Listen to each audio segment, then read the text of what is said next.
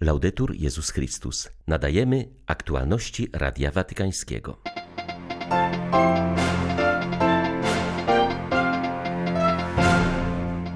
Papież Franciszek złożył królowej Elżbiecie kondolencje w związku ze śmiercią jej męża, księcia Filipa. W telegramie podpisanym przez watykańskiego sekretarza stanu podkreślił oddanie zmarłego małżeństwu i rodzinie. W rozmowie z arcybiskupem Marsylii Ojciec Święty przyznał, że uważa to miasto za swoją bramę wejściową przyszłej podróży do Francji i dopełnienie pielgrzymki odbytej po krajach basenu Morza Śródziemnego. Stolica Apostolska oficjalnie uznała studia licencjackie z zakresu judaizmu na papieskim Uniwersytecie Gregoriańskim. To znak, że dla Watykanu poznanie judaizmu stanowi integralną część chrześcijańskiej wiary i teologii, uważa koordynator tych studiów ksiądz Etienne Veto. 10 kwietnia witają Państwa ksiądz Krzysztof Ołdakowski i Krzysztof Bronk. Zapraszamy na serwis informacyjny. Ojciec Święty uważa Marsylię za bramę wejściową przyszłej podróży do Francji oraz logiczne dopełnienie długiej pielgrzymki odbytej po krajach basenu Morza Śródziemnego, poczynając od Lampeduzy w 2013 roku. Marsylia jest prawdziwym laboratorium kulturowym, gdzie żyją wspólnie muzułmanie, Żydzi, Ormianie, Komoryjczycy, Chaldejczycy oraz Libańczycy.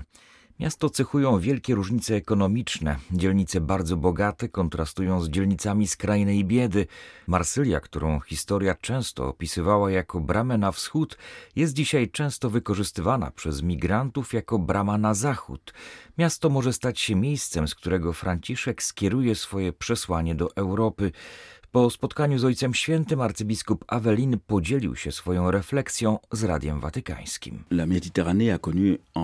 W ciągu stu lat region śródziemnomorski przeszedł bardzo wiele wstrząsów. Zasugerowałem więc papieżowi pewną refleksję. Synod zwołany w sprawie Amazonii miał zasięg zarówno lokalny, jak i uniwersalny. Podobnie jest z regionem śródziemnomorskim, który boryka się z problemami migracyjnymi, ekonomicznymi, ekologicznymi, militarnymi i wieloreligijnymi. Być może on też zasługiwałby na swój własny synod. Oczywiście to jest cały proces, ale podzieliłem się tą refleksją. Tak jak powiedziałem na początku, że jest to pewna wizja, warto podjąć wspólnie jej rozeznanie, a wtedy ta idea pójdzie właściwą drogą.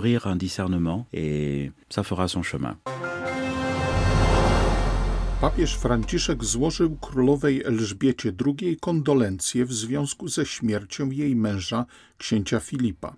W telegramie podpisanym przez watykańskiego sekretarza stanu podkreślił oddanie zmarłego małżeństwu i rodzinie, jego wybitne zasługi w służbie publicznej oraz zaangażowanie w edukację i rozwój przyszłych pokoleń mąż brytyjskiej królowej, zmarł w wieku 99 lat. Był najdłużej służącym królewskim małżonkiem w historii Wielkiej Brytanii.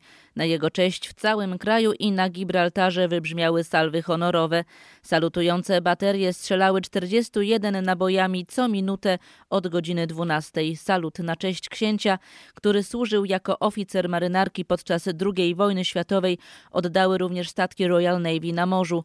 Składając hołd księciu, kardynał Vincent Nichols powiedział: Był jedną z pierwszych osób, które mówiły o zagrożeniach związanych ze zmianami klimatycznymi. W latach 50. zainicjował program dla młodzieży, który od tego czasu realizowany jest w ponad 140 krajach na całym świecie. Jednak największą wdzięczność mamy dla niego za jego niezłomną lojalność i radosne wypełnianie życiowego obowiązku, jakim było towarzyszenie i wspieranie królowej, to są cechy, których dzisiaj potrzebujemy. Żegnając księcia, wielebny Justin Welby między innymi powiedział: Konsekwentnie przedkładał interesy innych nad własne i czyniąc to dał wspaniały przykład chrześcijańskiej służby. Dla Radia Watykańskiego Elżbieta Sobolewska-Farbotko, Radio Bobola, Londyn. Papież potępia akty przemocy i wyraża swoją bliskość z osobami, które żyją pośród wielu cierpień w południowo-zachodniej części Kolumbii, w regionie Pacyfiku.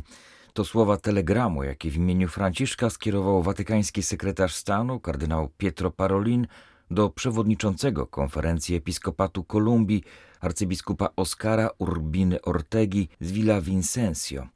Podkreślił w nim również zaangażowanie biskupów, kapłanów, zakonników i świeckich w nieustanne poszukiwanie możliwości budowania więzi pokoju w całym regionie. W ostatnim czasie w południowej części kraju doszło do kilku aktów przemocy.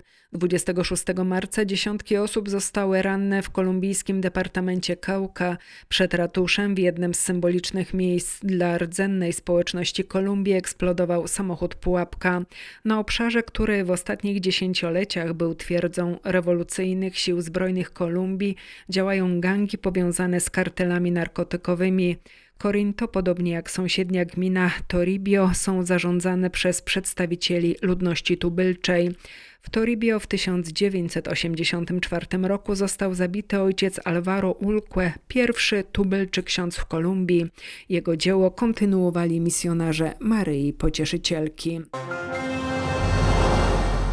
W wieku 96 lat zmarł australijski kardynał Edward Cassidy, emerytowany przewodniczący papieskiej Rady do spraw popierania jedności chrześcijan i Komisji do spraw stosunków z judaizmem. Uważał, że do pełnej jedności z prawosławiem brakuje już tylko samej decyzji o zjednoczeniu, a wszystkie inne trudności zostały usunięte stąd jego liczne starania o budowanie relacji z prawosławnymi. W latach 50. studiował prawo kanoniczne na Papieskim Uniwersytecie Laterańskim, a następnie wstąpił do Papieskiej Akademii Kościelnej.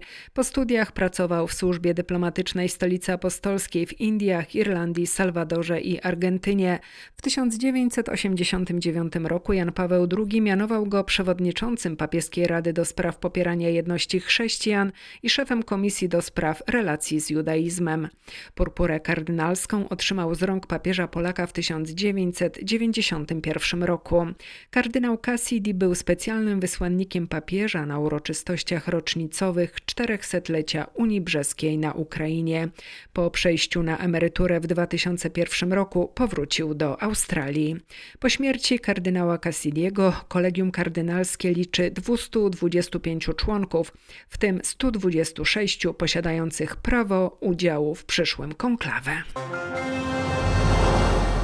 Kongregacja Edukacji Katolickiej oficjalnie uznała studia licencjackie z zakresu judaizmu i relacji chrześcijańsko-żydowskich na Papieskim Uniwersytecie Gregoriańskim.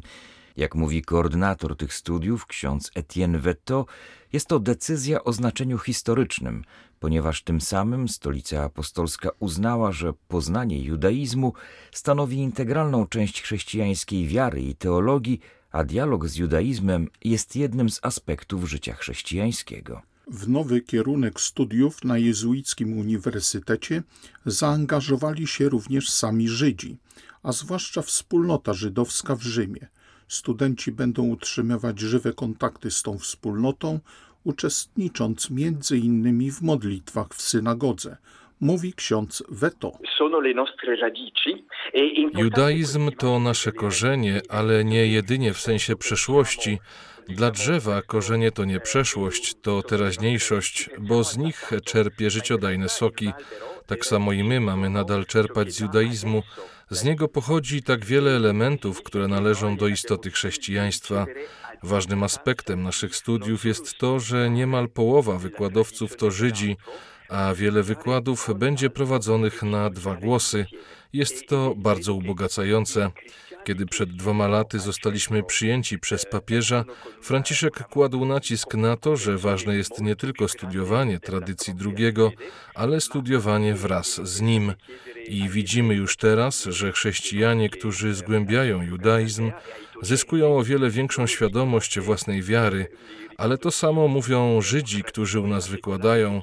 Pewien rabin powiedział mi, kiedy tu przyszedłem, myślałem, że będę jedynie uczył chrześcijan, kim są Żydzi, ale z czasem odkryłem, że w ten sposób ja sam coraz lepiej rozumiem moją tradycję.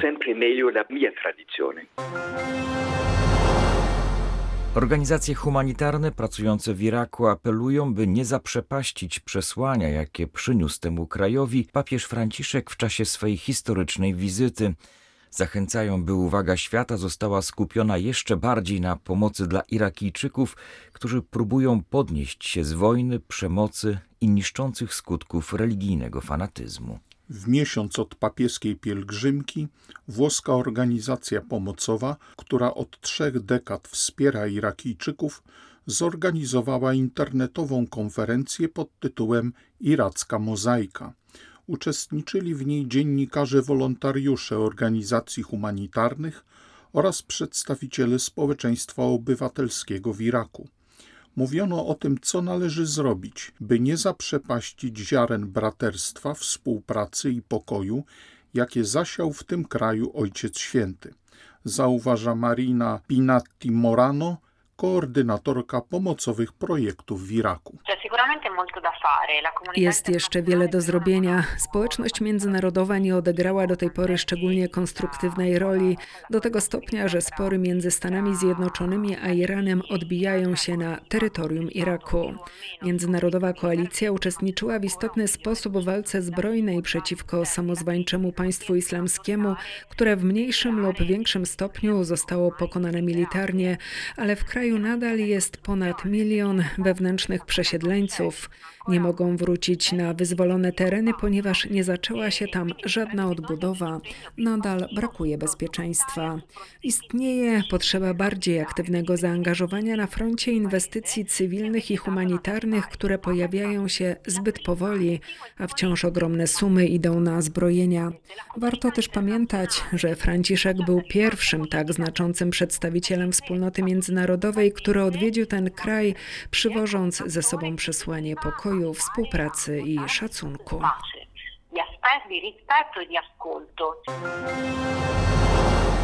Katolicy i anglikańscy zwierzchnicy religijni w Irlandii Północnej apelują o powstrzymanie zamieszek, które po latach spokoju powróciły do tej brytyjskiej enklawy. Wiem, że nie chcecie nikogo skrzywdzić ani zabić, więc nie dajcie się wciągnąć w tę przemoc, prosił demonstrantów biskup Noel Trenor. Przypomniał on, że dokładnie 23 lata temu, 10 kwietnia 1998 roku, mieszkańcy Irlandii Północnej podpisali porozumienie wielkopiątkowe i przez wszystkie ubiegłe lata pokazali, że chcą wzajemnego zaufania i wspólnego budowania przyszłości. Bezpośrednią przyczyną zamieszek są niesnaski wokół niedawnego pogrzebu republikańskiego działacza, na którym nie zachowano sanitarnych obostrzeń, a policja postanowiła nie wyciągać z tego konsekwencji. Prawdziwym tłem konfliktu są jednak nieporozumienia wynikające z Brexitu obawy probrytyjskich mieszkańców, że Irlandię Północną czeka zacieśnienie relacji z należącą do Unii Europejskiej Republiką Irlandii.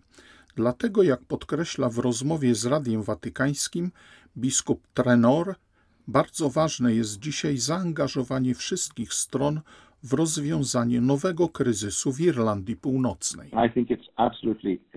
Sprawą podstawowej wagi jest dziś zaangażowanie obu rządów w Londynie i w Dublinie w promowanie i patronowanie postanowieniom porozumienia wielkopiątkowego. Niektórym wydawało się, że Irlandię Północną można pozostawić samej sobie, że już sama sobie poradzi. Tymczasem proces pokojowy jest tu wciąż bardzo delikatny. Wciąż trzeba go wspierać, towarzyszyć czy wręcz patronować i muszą to zapewnić Londyn, Dublin i Belfast.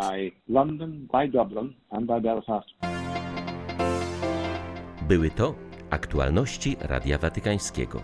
Laudetur Jezus Chrystus.